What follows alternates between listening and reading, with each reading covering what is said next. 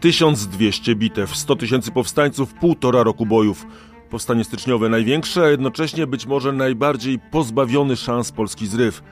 Rozpoczynany z entuzjazmem, a kończący się pod szubienicą lub w kibitce wiążącej na Sybir.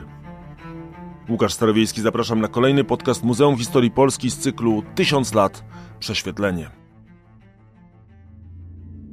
Narodowa ofiara. Powstanie styczniowe. Nie było w naszej historii zrywu, który trwałby dłużej, ani wojny, w której stoczono by aż tyle bitew. Powstanie styczniowe ma bez wątpienia swoje heroiczne miejsce w naszej historii, ale czyż nie stoi też na półce wśród historycznych wydarzeń z kategorii namarne i bezsensowna ofiara? Nie ma obecnie dyskusji o tym, czy miało jakiekolwiek szanse powodzenia. Mówi się o wielkim wysiłku i krwawej ofierze. Do dziś polskie lasy czy wioski usiane są mogiłami powstańców. Czy ten zryw miał w ogóle sens? A może był narodowym samobójstwem? Nazywam się Łukasz Starowiejski i spróbuję w tym podcaście odpowiedzieć na te pytania, a przynajmniej zastanowić się nad odpowiedziami. Gra w kolory czarny. Gdzie sięgnąć, by rozpocząć opowieść o najdłużej trwającym polskim powstaniu? Część historyków sięga aż do upadku zrywu listopadowego 30 lat wcześniej. Inni piszą o wiośnie ludów, która w 1848 roku przetoczyła się przez Europę, choć do Polski praktycznie nie dotarła. A może wojna o zjednoczenie Włoch i wyczyny rewolucjonisty Garibaldiego lub czas wojen krymskich, w którym Anglia i Francja stanęły przeciw Rosji? My zaczniemy nie od daty, a od koloru. Tak, od koloru, od czerni. Barwy, z którą bezskutecznie walczył w Warszawie carat, a która stała się symbolem oporu.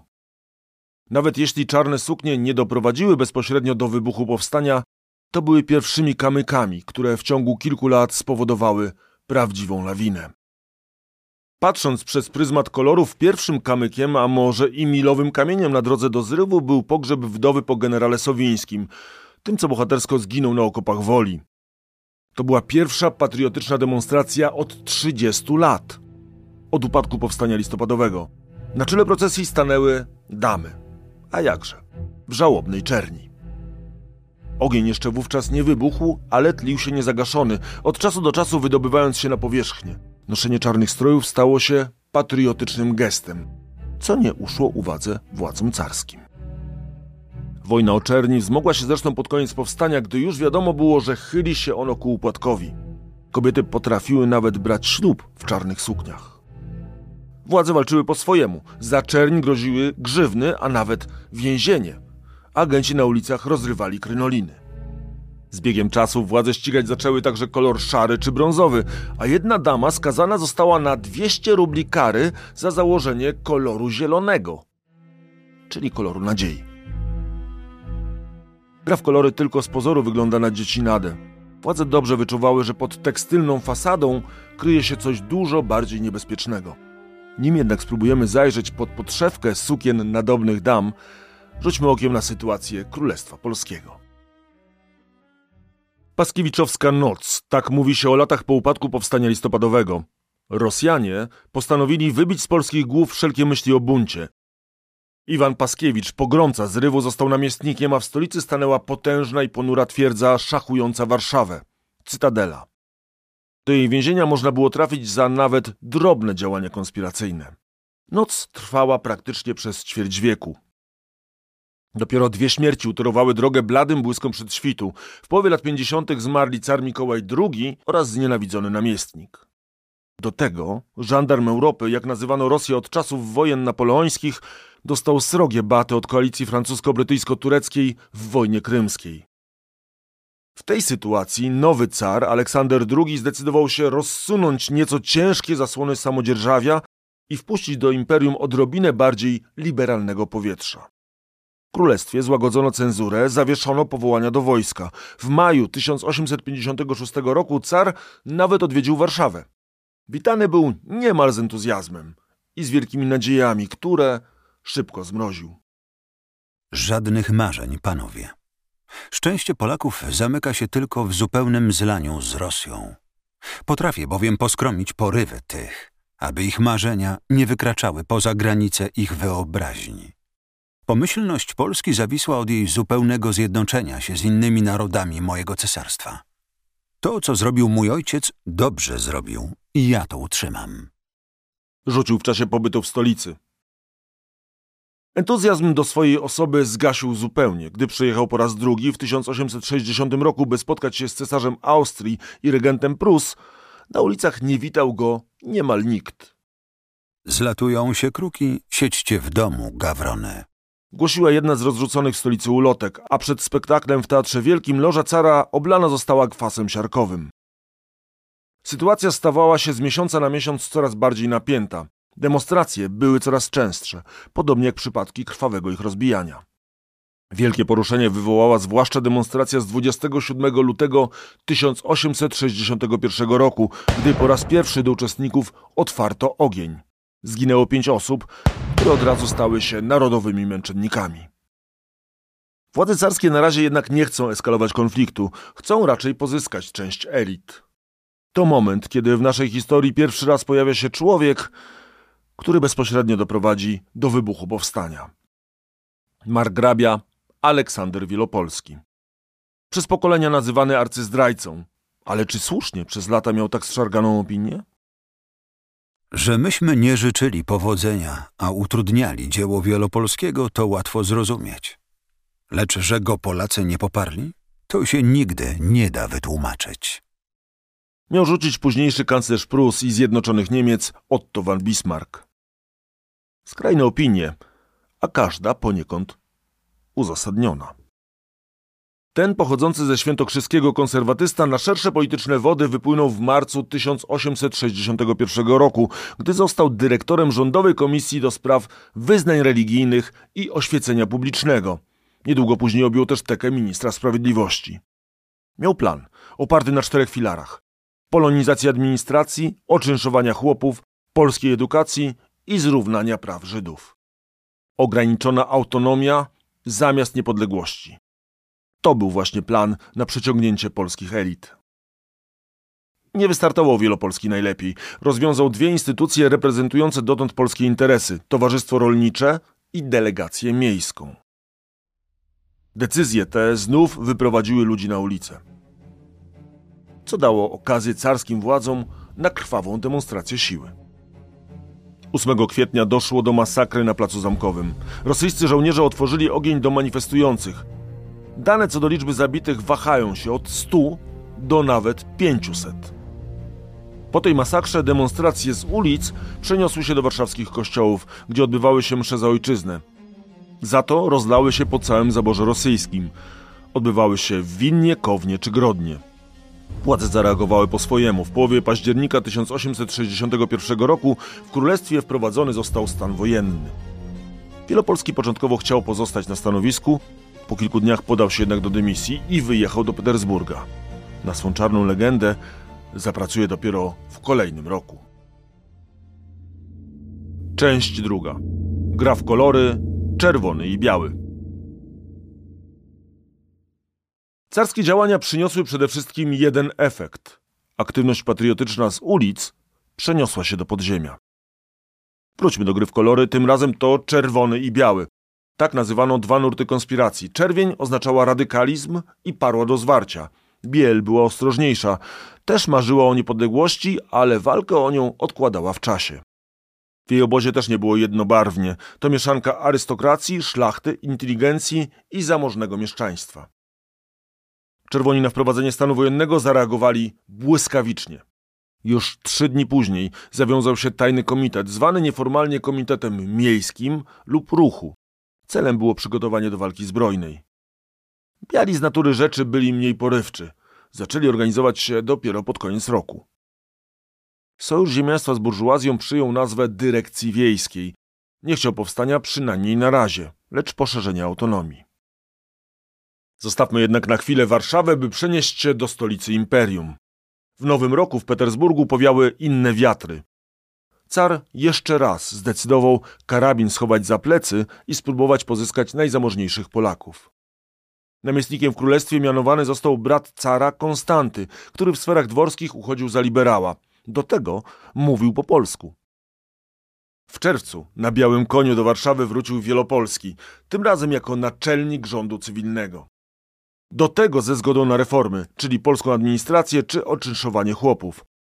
Część, zwłaszcza zamożniejsza społeczeństwa, patrzyła na to całkiem przychylnym okiem. Czerwoni mieli jednak swój plan. Pierwsze skrzypce grał wśród nich Jarosław Dąbrowski, późniejszy naczelny dowódca wojsk Komuny Paryskiej. Ów sztabskapitan armii carskiej przyjechał do Warszawy w maju. Niemal od razu stanął na czele konspiracyjnego Komitetu Miejskiego.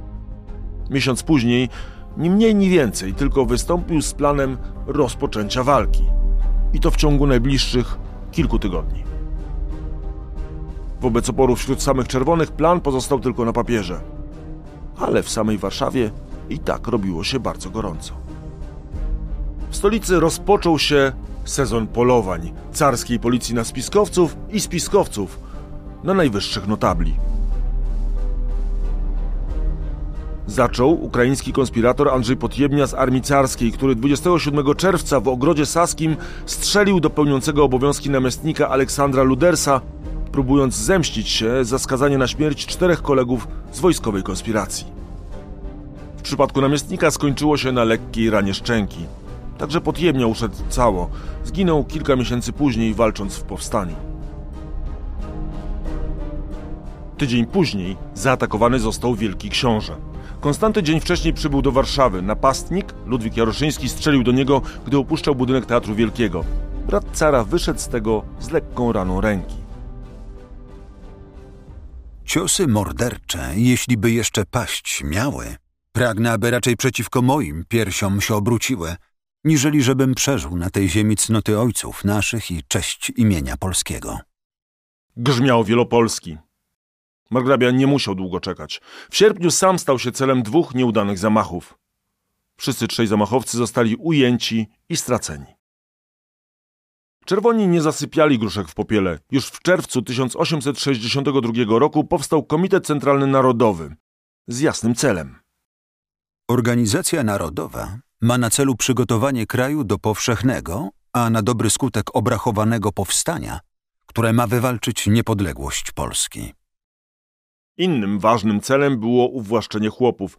Komitet zaczął też tworzyć namiastkę struktur państwa podziemnego, choćby organizując komitety wojewódzkie, a także ogłosił pobór jednorazowego podatku narodowego, który zbierać mieli urzędnicy organizacji.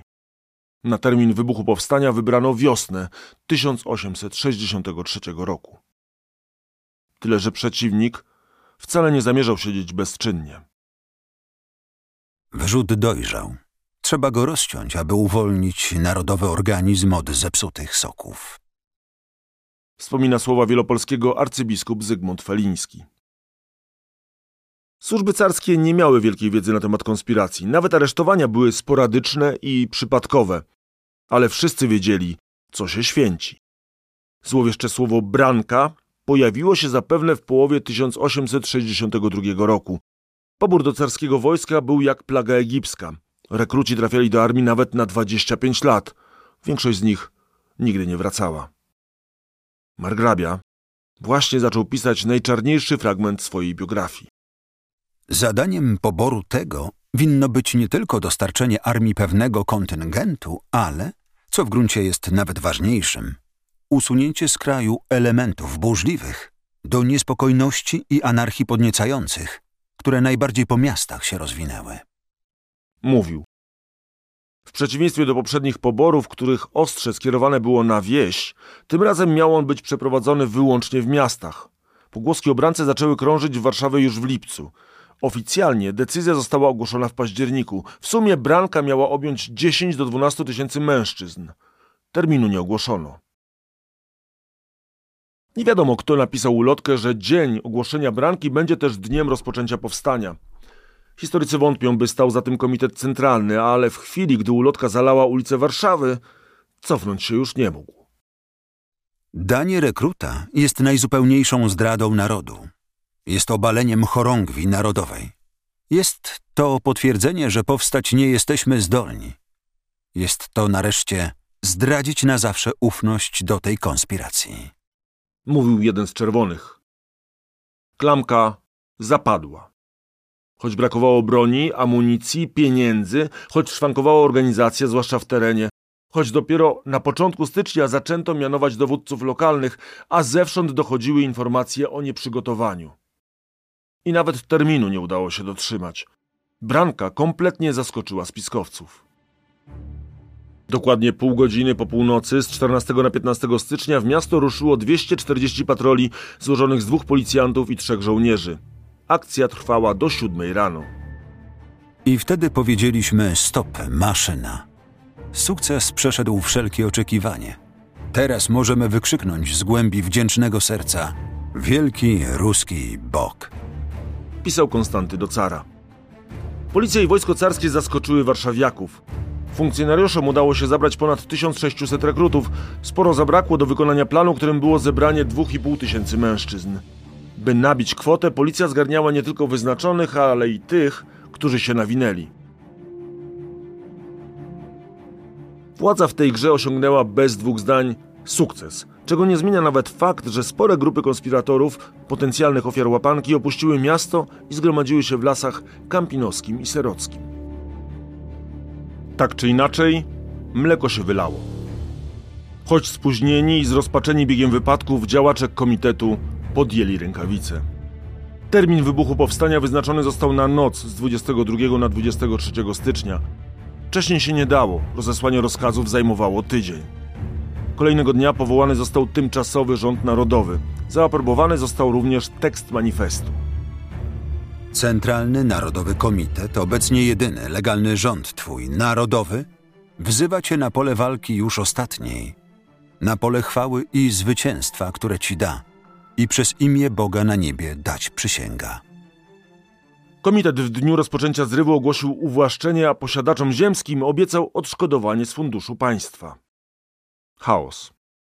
Tyle można powiedzieć o ostatnich dniach przed wybuchem. Organizacyjnie nic nie było dopracowane. Plan zakładał zdobycie twierdzy Modlin przy pomocy spiskowców w armii carskiej, co pozwoliłoby zaopatrzyć się w broń. Tyle, że ten plan upadł, nim rozpoczęło się powstanie. Carskie władze z nieznanych do dziś powodów wymieniły skład garnizonu twierdzy, wymiatając przy okazji większość członków sprzysiężenia. Spiskowcy gorączkowo szukali miejsca, gdzie rząd tymczasowy mógłby się ujawnić. Ich wzrok padł na Płock. W kierunku Płocka ruszył Zygmunt Padlewski, przewidywany na wodza powstania. Popełnił strategiczny błąd. Skołowany komitet następnego dnia zdecydował, że sam nie da rady udźwignąć brzemienia zrywu. Postanowiono wbrew woli Padlewskiego powołać dyktatora. Pragnęliśmy złożyć z siebie brzemię odpowiedzialności. Przyznawał później z rozbrajającą szczerością jeden z członków komitetu. Fatalna decyzja.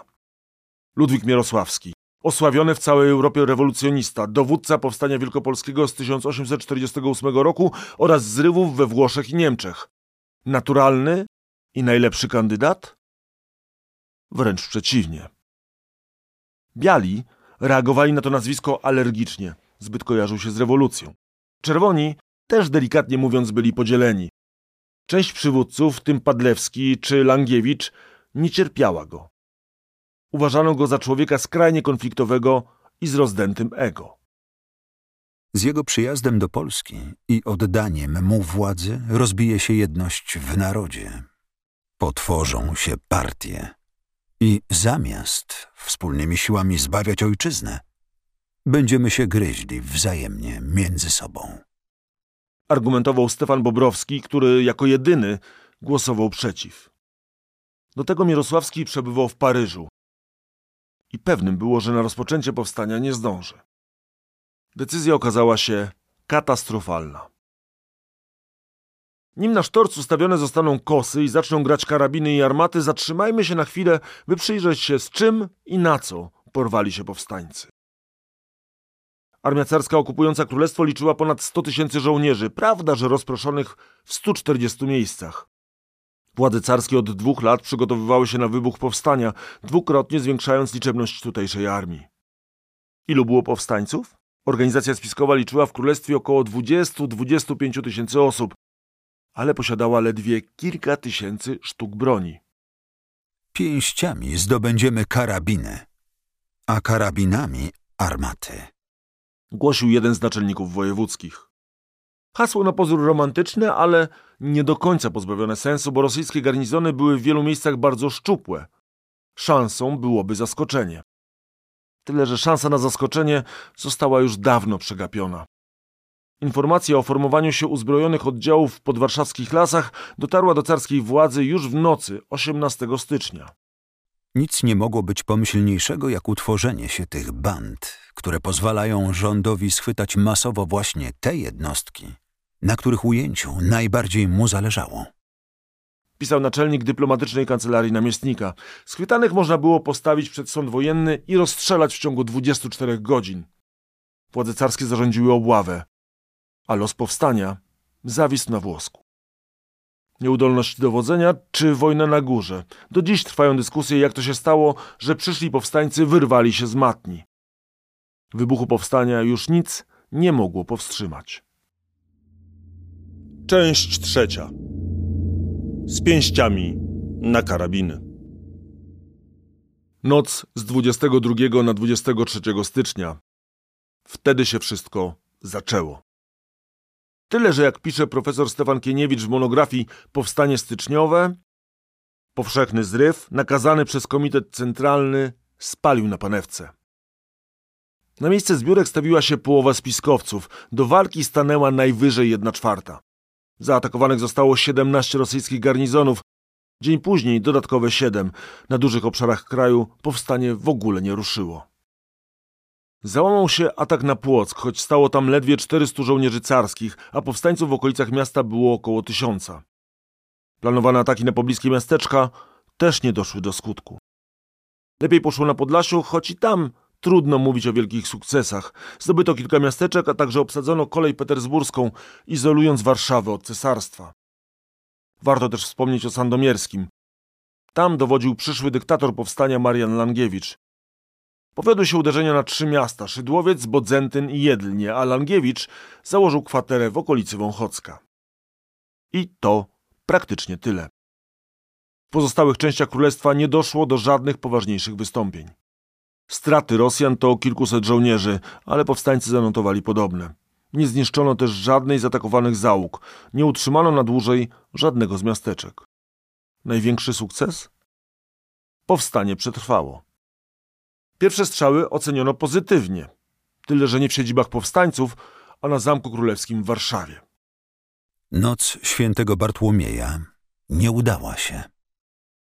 Donosił carowi rozradowany wielki książę Konstanty, nawiązując do rzezi hugenotów w Paryżu w 1572 roku.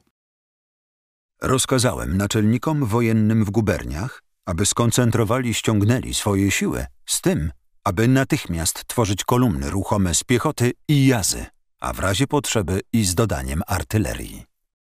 Oddziały te będą musiały zacząć małą wojnę, aby oczyścić kraj i zniszczyć wszystkie bandy. Ale humor Konstantemu szybko się psuje. Nasze położenie w tej chwili nie bardzo apetyczne. Pisze kilka dni później. Powstańcy psują telegraf i wyłapują posłańców. Rozkazy z Warszawy nie docierają na prowincję. Trudności z przegrupowaniem sił dały powstaniu kilkudniowy oddech. Zaczęto organizować obozy, w których zbrojono i musztrowano ochotników. Stworzone zostały oddziały strzelców, kosynierów, a także szwadrony jazdy. Pod koniec stycznia powstańcza armia, choć przy słowie armia trzeba postawić cudzysłów, liczyła kilkanaście tysięcy żołnierzy ochotników. Największym sukcesem było zdobycie Sosnowca 7 lutego. Nadal jednak walkę toczyli tylko czerwoni. Gdzie biali? Czy przekonani o nonsensie działań zbrojnych mieli zostać w domach? Początkowo na to wyglądało. Na zjazdach ziemiańskich obmyślano sposoby, by jak najszybciej zlikwidować tę, jak ją nazywano, ruchawkę. Ofiarowywano nawet pieniądze lokalnym dowódcom, by rozpuścili oddziały. Komitety lokalne, choć nie potępiały zrywu, zalecały nie angażować się i czekać. Ale to długo trwać nie mogło. Wystarczyło posłuchać przedpowstaniowych deklaracji jednego z ziemian. Jestem tak przeciwny powstaniu, że wolałbym nie wrócić do domu, do dzieci, zginąć tu pod sztyletem zapaleńców, jak zdrajca okryty hańbą, by tylko nie dopuścić do wybuchu. Ale gdy powstanie wybuchnie, Ja będę z narodem. Panowie, nie łudźcie się, nie oszukujcie samych siebie.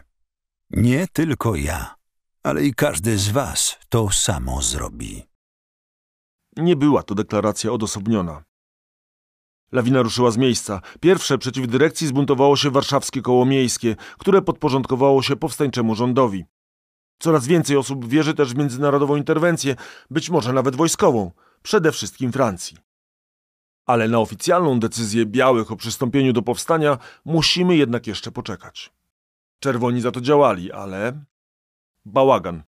Tak można jednym słowem opisać ich działania. Po informacji, że nie udało się zdobyć Płocka, czterech członków rządu tymczasowego postanowiło przebijać się do obozu Langiewicza koło Wąchocka. Później, bezskutecznie, poszukiwali przybywającego do Polski dyktatora Mirosławskiego. Najważniejsze dni zrywu, a jego przywódcy, miast rządzić i radzić, miotają się po całym kraju. Sytuacja całego powstania? Też nie różowa. Ty dobrze wiesz, drogi Zygmuncie, jakie budowaliśmy wspaniałe plany. I jak padły one w proch. Pisał do Padlewskiego naczelnik miasta Bobrowski. Do Mirosławskiego raport poszedł jednak optymistyczny. W ogóle wszędzie gotowość wielka za okazaniem się sił naszych. Wszystko ciągnie, brak tylko broni nie pozwala zabrać wszystkiego. Chłopi, gdzie tylko są uwłaszczeni, stają się najlepsi. Lecz uwłaszczenie tam tylko możliwe, gdzie przychodzi siła. I w imieniu rządu polskiego uwłaszcza urzędowo. Tyle, że to był optymizm ponad miarę. Rosjanie już przegrupowali siły, odzyskali kontrolę nad newralgiczną koleją petersburską i przeszli do kontrataku. Dochodzi do kilku większych bitew, w tym największego starcia całego powstania, dwudniowych walk pod Siemiatyczami na Podlasiu.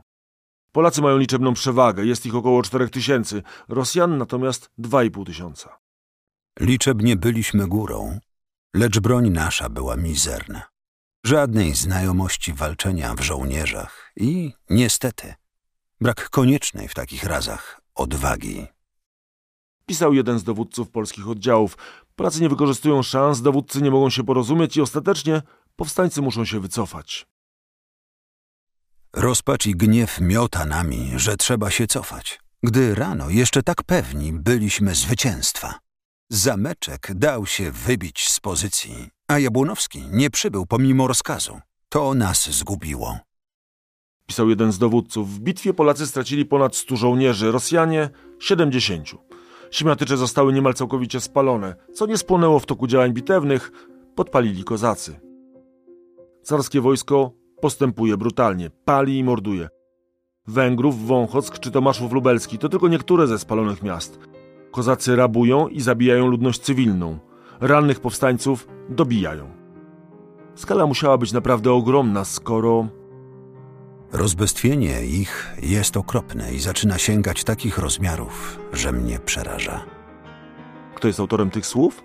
Wcale nie powstańczy dowódca czy zagraniczny dyplomata. To fragment listu Konstantego do brata Aleksandra. Tak, tak, namiestnika królestwa do cara Rosji. On też nie umie powstrzymać bestialstwa.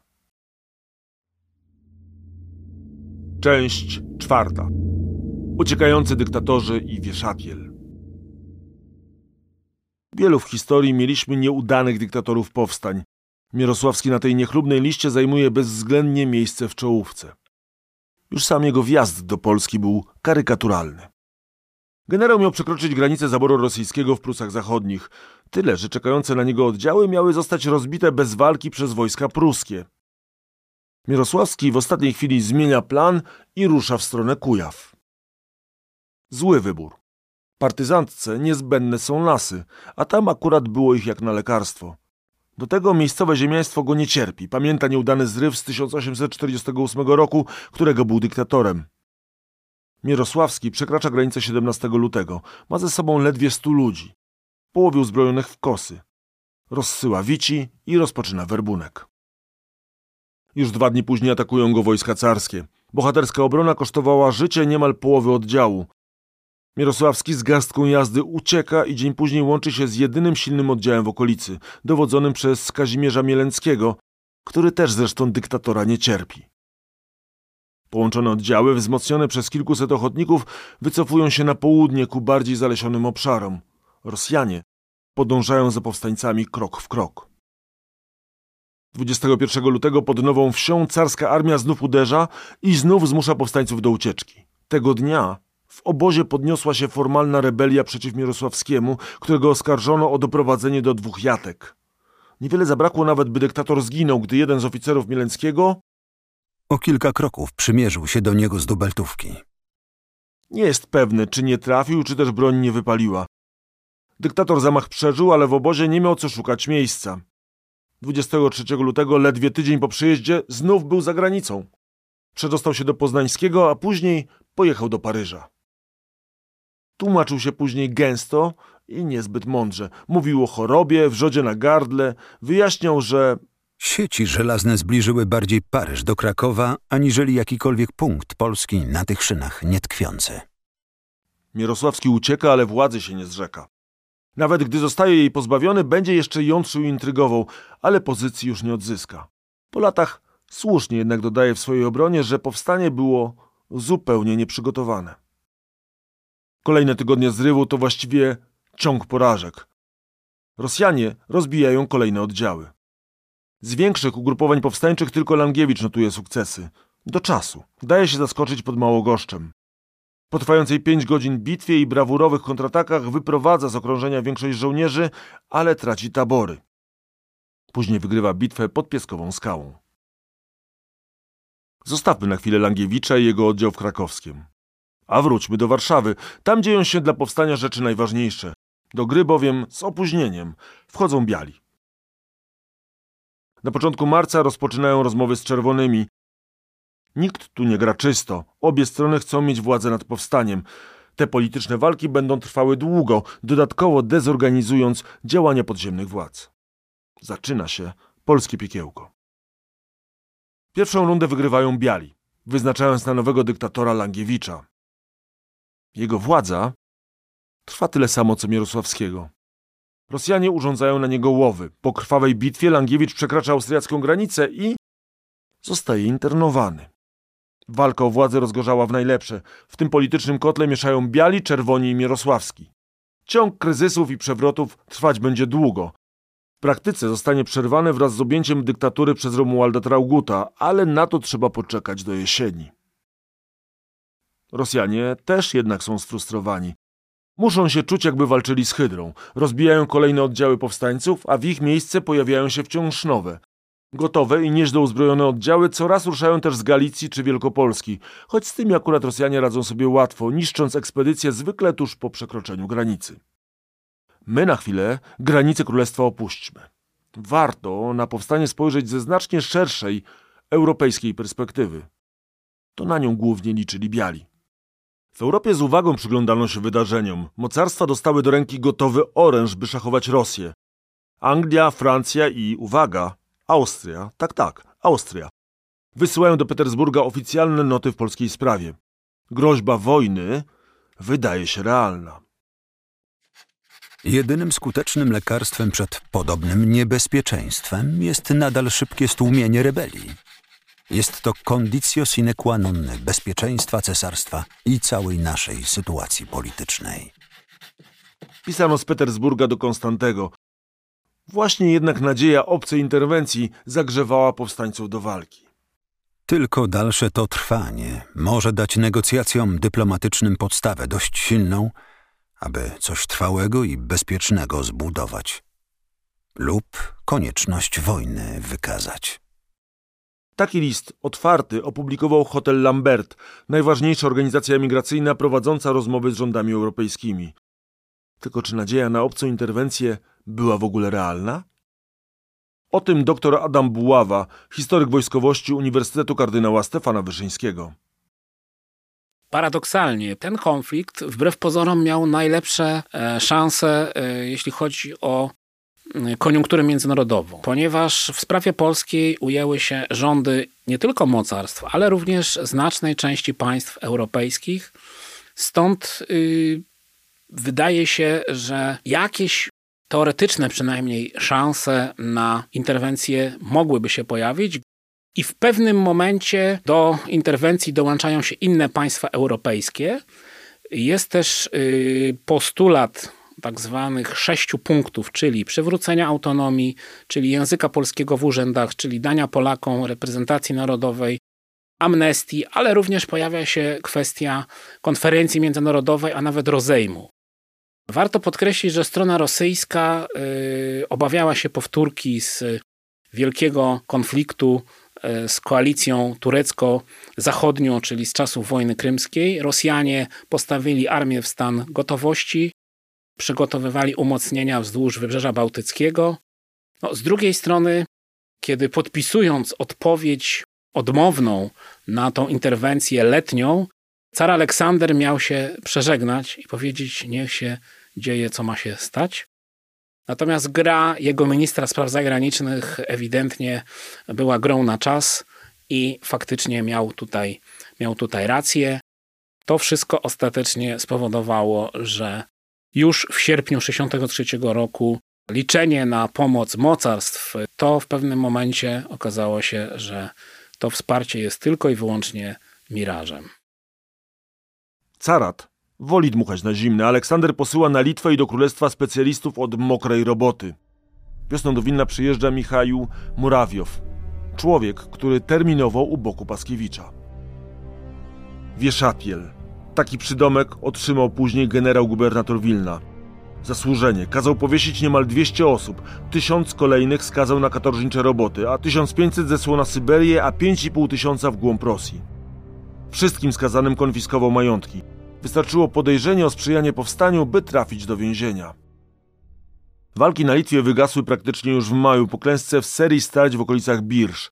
Terror dołożył swoje. Podobnie na Rusi, na której rozbijane były kolejne oddziały przerzucane z Galicji. Generał Berg początkowo w Warszawie pełni rolę zastępcy dowódcy wojskowego. W rzeczywistości przyjechałby wielkiego księcia Konstantego zastąpić. Namiestnikowi powszechnie zarzucono delikatność i uległość. A także nadmierne ambicje. Padały oskarżenia, że Konstanty planuje zostać królem Polski.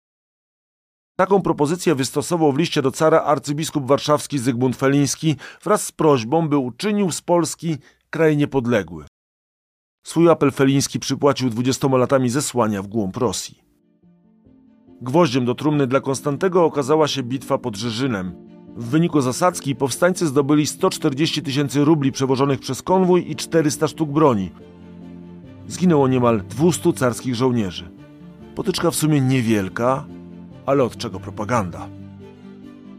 Zawsze bici i nieustannie ścigani przez nasze kolumny powstańcy nigdy aż dotąd nie mogli ogłosić zgodnie z prawdą rzeczywistego sukcesu.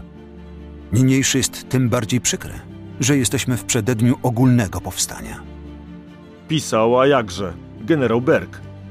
Profetycznie też wieszczył, że teraz powstańcy będą chcieli zdobyć zamość i utworzyć zalążek rządu. Car Aleksander się wściekł. Oskarżył dowódców i zażądał śledztwa. I co najważniejsze, wezwał do siebie Konstantego, oficjalnie na kilka dni. Wielki książę odmówił złożenia dymisji, ale musiał zgodzić się na urlop. Opuścił Warszawę na początku września. Dwa miesiące wcześniej podobną drogą podążył Wielopolski. Obaj do stolicy królestwa nigdy już nie wrócili. Nikt po nich nie płakał. Ten drugi opuszczał Warszawę w niesławie. Czy słusznie nazywano go zdrajcą? Posłuchajmy znów doktora Adama Buławy, historyka wojskowości. Nie postawiłbym tezy, że Aleksander Wielopolski był zdrajcą. E, po prostu jego działania szły pod prąd. Pod prąd nastrojów, pod prąd e, atmosfery, która była e, rozkołysana przez, przez manifestacje patriotyczne, przez potrzebę ekspresji polskości, e, przez marzenia o e, przyszłej, niepodległej Polsce. W jego przypadku Tragedią było to, że był niezrozumiany tak naprawdę przez nikogo. Czerwoni uważali go za zdrajcę, za renegata, za tego, który sprzeniewierzył się idei e, bycia polskim patriotą. Biali uważali, że jego postępowanie zbytnio opiera się na zawierzeniu stronie rosyjskiej, a Rosjanie uważali go za pożyteczne narzędzie. Był potrzebny człowiek, który, który będzie firmował tą ideę pojednania. w momencie, kiedy doszło do wybuchu powstania, do przejścia konfliktu w fazę zbrojną, po kilku miesiącach Wielopolski okazał się być niepotrzebny, także jako e, symbol tego pojednania w oczach ludzi Zachodu, stąd jego ostateczna dymisja. Odchodził w niesławie, odchodził jako człowiek winny brance, jako człowiek, e, który zaprzedał się e, Rosjanom. Prawda była nieco bardziej złożona. Teraz już generał Berg ma oczyszczone pole. Zostaje tymczasowym namiestnikiem królestwa. Rozkazy cara są jasne. Stłumić powstanie zbrojne i przywrócić, jeśli nie spokój moralny, to przynajmniej porządek materialny i autorytet legalnego rządu. Tylko najsurowsza dyktatura wojskowa nie na papierze, ale dowiedziona czynem i energią rządu może nas wyprowadzić z impasu. Niewiele jednak brakowało, by generał Berg swojej historycznej roli nie wypełnił. 19 września uszedł cało z zamachu. Ucierpieli inni. Najsławniejszą ofiarą stał się fortepian. I znów widzę, acz dymem oślepian, jak przez ganku kolumny sprzęt podobny do trumny wydźwigają. Runą. Runą twój fortepian. Ten, co Polskę głosił od zenitu. Jękły, głuche kamienie. Ideał sięgnął bruku. Pisał poeta Cyprian Kamil Norwid. Zamachowcy zaatakowali, gdy namiestnik jechał powozem w stronę Zamku Królewskiego. Z czwartego piętra kamienicy przy Nowym Świecie oddali strzał z garłacza nabitego drobnymi kawałkami żelaza, a następnie rzucili bomby. Efekt nieudolnego zamachu? Pokiereszowany mundur generała. Zamachowcy uciekli. Ucierpieli mieszkańcy. Wojsko wyrzuciło z kamienicy wszystkie ruchomości, w tym fortepian Chopina. Wszyscy mężczyźni obecni w kamienicy trafili do cytadeli, a budynek został skonfiskowany. Berg właśnie dostał do ręki świetny pretekst do rozpętania terroru. Podejmę coś w rodzaju wojny przeciw ludności Warszawy. Jeśli uda mi się, w co nie wątpię, posiać w niej lęk wobec autorytetu rządu, główne ognisko powstania w kraju zostanie sparaliżowane. Bo powstanie, mimo wielu przegranych starć na polach bitewnych i podjazdowej wojny u szczytów konspiracyjnej władzy, wciąż trwało. Jak tlenu potrzebowało natomiast wodza i autorytetu. I taki się pojawił. Część piąta. Spóźniony wódz. Romuald Traugut nie wszystkim się spodobał. Stanisława Koźmiana, jednego z członków Wydziału Rządu Narodowego dla Galicji, uderzyła Brzydota fizyczna Trauguta. Było w nim coś z nietoperza. Kto ostatecznie powołał go do rządu, nie jest pewny. Poden order post factum, gdy Polska już czciła go jako bohatera, pierś wypinało wielu konspiracyjnych działaczy. Traugut to zresztą bohater nieoczywisty. Największy symbol powstania wcale nie spieszył się, by do niego przystąpić. Powstania nikomu nie doradzałem. Przeciwnie, jako były wojskowy widziałem całą trudność walczenia bez armii i potrzeb wojennych z państwem słynącym ze swej militarnej potęgi. Zeznawał w śledztwie. Traugut ma 38 lat i od roku jest emerytowanym wojskowym. W carskiej armii uczestniczył w duszeniu powstania na Węgrzech oraz wojnie krymskiej. Dosłużył się stopnia podpułkownika saperów. Od roku siedzi w małym majątku w pobliżu Kobrynia na dzisiejszej Białorusi. Do powstania przystępuje później nawet niż większość białych, bo w maju. Jego oddział stoczył siedem potyczek, część z nich wygrał. W lipcu jednak z powodu wyczerpania i braku oparcia wśród miejscowej poleskiej ludności Traugut rozpuścił ludzi do domów, a sam podążył do Warszawy i zgłosił się po rozkazy do rządu narodowego.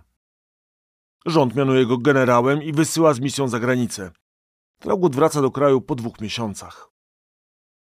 Już nie jest jednym z wielu lokalnych dowódców, staje się ważnym rozgrywającym, a 17 października 1863 roku obejmuje pełną władzę. Zostaje dyktatorem powstania. Ostatnim dyktatorem. Choć sam tytułu tego nie używał, a w organizacji mówiono o nim prezes. Za to dyrektorom rządowych wydziałów oświadczył. Rząd narodowy to ja. Był ostatni moment, by coś jeszcze uratować. Zupełna dezorganizacja opanowała, jak się zdaje, wszystkie tryby rządu narodowego. Nie ma żadnego ruchu, jest tylko zastój i cierpienie. Tak o sytuacji pisali konsul francuski i korespondent brytyjskiego Timesa. Od początku powstania nie mieliśmy tak ciężkiej depresji w umysłach. Przyznawał to sam Traugut w liście do Czartoryskiego. Traugut rozpoczął od rozpędzenia skłóconego towarzystwa. Odwołał rząd narodowy, zdymisjonował kilku jego urzędników i zapiekłych działaczy. Wszystkie wydziały podporządkował bezpośrednio sobie i rozpoczął porządki zarówno w cywilnej organizacji, jak i wśród powstańczych oddziałów. Wojskowa organizacja szczególnie irytowała byłego wojskowego. Kilku takich dowódców rozmaitych stopni z rozmaitą ilością ludzi tłukło się obok siebie po województwie. Każdy chodził gdzie mu się podobało, robił co mu się zachciało. Jednego bili, drugi mu pomagał lub nie, jak sobie życzył. W połowie grudnia nakazał wprowadzenie jednolitej organizacji wojsk z podziałem na bataliony, szwadrony, pułki, dywizje i korpusy. Za rozpuszczenie oddziału dowódca miał iść pod sąd wojenny. Wytyczne dyktatora najdokładniej stara się realizować generał Józef Hauke-Bosak, naczelnik w województwach krakowskim i sandomierskim. To postać niezwykła. Powinowaty cara Aleksandra został wychowany w carskich szkołach, a polskiego nauczył się dopiero w dorosłym życiu. Carski mundur zrzucił dopiero w 1863 roku. Do powstania dołączył latem. Hauke Bosak zaatakował z sukcesami m.in. Opatów i Jurze. Większość innych dowódców, nie widząc możliwości prowadzenia walki zimą, pozostawała bierna. Także Traugut planował dorzucić podpałkę pod powstanie na wiosnę. Chciał wówczas zwołać pospolite ruszenie, liczył też na europejską wojnę, dzięki której pomóc powstańcom mogłyby Francja, Anglia, a być może nawet Austria. Ale dowódcom tłumaczył. Zawsze musimy się spieszyć. Bo w przeciwnym wypadku Moskwa wyłapie ludzi, a potem broń i inne zapasy powynajduje i pozabiera. Namiestnik Berg nie zasypiał bowiem gruszek w popiele. Wciąż apelował o dodatkowe oddziały armii i je dostawał. Posyłał je w bój przeciw znaczniejszym oddziałom powstańczym. Tak, pod koniec lutego carska obława rozbiła pod Opatowem choćby organizowany przez generała Hauke Bosaka korpus krakowski. Notabene pod nieobecność jego dowódcy. Nadzieje na wiosenne odnowienie zrywu okazały się próżne. Zawiodły ostatnie rachuby na pomoc zagraniczną. Austria, zamiast jak liczono wesprzeć powstanie, surowo zakazała udzielania mu jakiejkolwiek pomocy. Za to w królestwie coraz więcej było carskiej armii i coraz bardziej drakońskie prawa. Z powszechną karą śmierci dla powstańców i konfiskatą majątków dla tych, którzy pomagali zrywowi.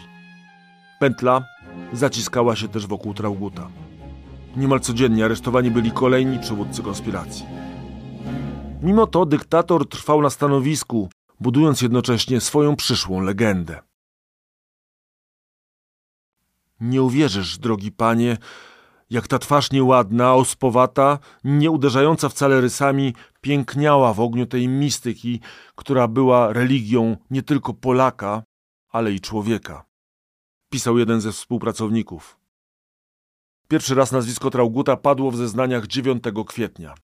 Dzień później adres. Policjanci pojawili się w budynku przy ulicy Dolnej Smolnej następnego ranka, ale zabrali innego mieszkającego tam członka konspiracji. Traugut miał więc szansę, by uciec. Jednak z niej nie skorzystał. 10 kwietnia w nocy zapukano także do jego drzwi. Traugut był w łóżku. Ujrzawszy wchodzących, rzekł ze spokojem sobie właściwym. To już. Największy cios powstaniu zadał car Aleksander wcale nie za pomocą karabinów, a dekretu. Dekretu uwłaszczającego chłopów. Ogłoszony został w marcu 1864 roku. Był dla chłopów mniej korzystny niż ustawa wprowadzona przez rząd narodowy, ale wystarczający, by zniechęcić ich do potencjalnych działań zbrojnych. Car nie odstręczył chłopa od sprawy narodowej i nie pozyskał go sobie. Jedno mu się udało, a i to rzecz ogromna. Być może przedłuży to niewolę naszą o pół wieku.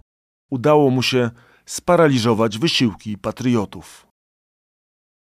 Tak opisywał go jeden z emigracyjnych działaczy rok po powstaniu.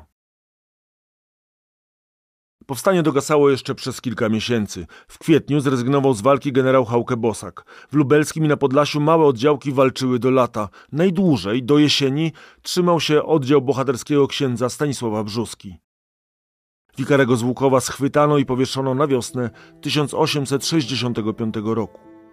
Traugut wraz z czterema ważnymi członkami konspiracji powieszony został 5 sierpnia 1864 roku. Tego dnia w okolicach Cytadeli, gdzie ustawione zostały szubienice, przybyło około 30 tysięcy ludzi. Tłum klęczał w czasie egzekucji, śpiewając Święty Boże. W sumie w Warszawie stracono 54 powstańców. Niepełna liczba wszystkich egzekucji w czasach powstania wobec luk w dokumentach obejmuje niemal 700 osób. Tej liczbie niemal 90 oficerów i żołnierzy Rosjan, Ukraińców czy Białorusinów. Trudna do oszacowania jest liczba zabitych. Część historyków mówi o 20 tysiącach. Na Sybir według szacunków zesłanych zostaje około 40 tysięcy ludzi. W trakcie powstania stoczono ponad 1200 bitew i potyczek. Tak, tak, 1200. Przez oddziały powstańcze przewinęło się zapewne około 100 tysięcy osób. Trwało ono półtora roku i było najdłuższym polskim zrywem. Tylko czy zrywem, który w ogóle miał sens? I czy na pewno musiał wybuchnąć? Posłuchajmy znów doktora Adama Buławy, historyka wojskowości z Uniwersytetu Kardynała Stefana Wyszyńskiego. Mówiąc o sensie powstania styczniowego, z naszego punktu widzenia mielibyśmy dużo wątpliwości. Ale myślę, że warto tutaj wczuć się w mentalność ludzi epoki. Tak jak powstanie listopadowe ma taki, można powiedzieć, swój hymn śpiewane przez wszystkich, czyli Warszawianka, czyli jest ta nadzieja, czyli jest ten optymizm, to w przypadku powstania styczniowego uważam, że bardzo dobrze ówczesne mm, nastroje, sposób myślenia oddaje e, pieśń Boże coś Polskę, gdzie jest to poczucie, poczucie konieczności, poczucie tego, że nawet jeżeli ta ofiara na dany moment sensu samego w sobie może nie ma, ale jest konieczność, jest potrzeba, jest y, takie odczucie, pamiętajmy, że byli to ludzie, którzy tą wielką poezją romantyczną żyli na co dzień, którzy brali ją dosłownie, brali ją na serio, no i oni uważali, że ta ofiara jest tutaj niezbędna, konieczna. Pytanie, y, czy powstanie styczniowe było nieuniknione, czy było nieuchronne, czy można było jemu zapobiec? Wydaje się, że nie. Taki stopień pobudzenia społeczeństwa polskiego musiał w jakiś sposób znaleźć ujście. Powstanie utopione zostało w morzu krwi, a trauma w Polakach trwała przez wiele lat, by w kolejnym pokoleniu przerodzić się w legendę o wielkim zrywie i wielkim marzeniu. To na tej legendzie wyrosły kolejne pokolenia polskich konspiratorów, takich jak Józef Piłsudski. To też, jak piszą historycy, kolejny etap kształtowania się nowoczesnego polskiego narodu, bo właszczenie przyniosło na wsi nie tylko zmiany własnościowe, ale też zaczęło zmieniać świadomość. To nowe pokolenie i ten nowoczesny naród przyniósł ostatecznie Polsce niepodległość. Tylko czy może to usprawiedliwiać tak ogromne koszty? Na to pytanie chyba nie ma jednoznacznej odpowiedzi. To wszystko w tym odcinku podcastu. Dziękuję za wspólną podróż w przeszłość i zapraszam na następne. Do usłyszenia. Łukasz Starowiejski.